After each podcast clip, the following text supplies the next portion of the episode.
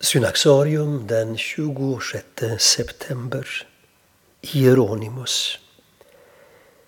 Hieronymus var född i Dalmatien och flyttade som ung till Rom där han lät döpa sig.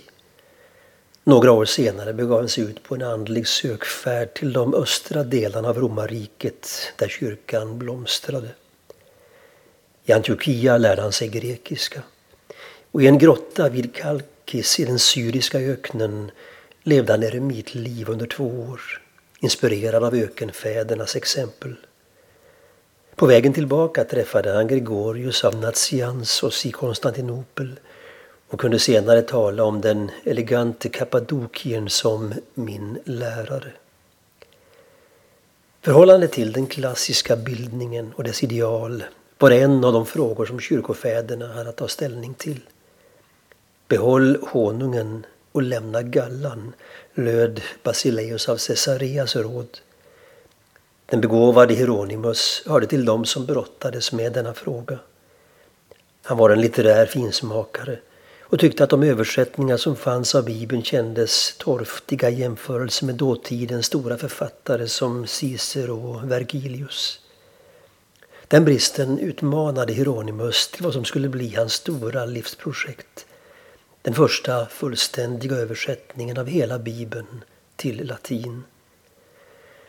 När han hösten 382 återvände till Rom fick han uppdraget som sekreterare åt påven Damasus och påbörjade då översättningen av evangelierna.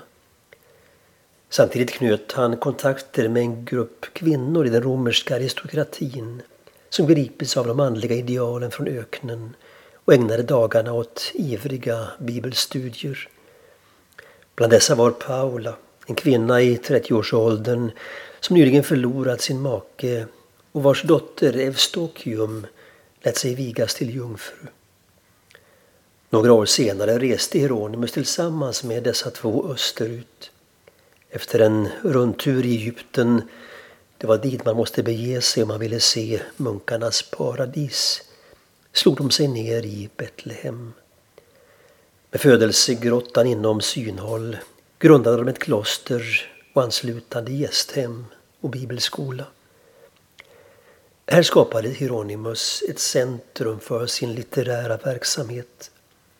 År 405 hade han fullbordat sin översättning av hela bibeln till latin, den berömda Versio Vulgata och fortsatte därefter med att skriva kommentarer över Gamla testamentets profetböcker.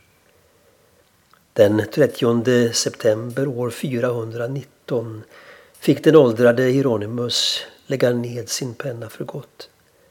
Han var då just på väg att avsluta sin kommentar till profeten Jeremias bok.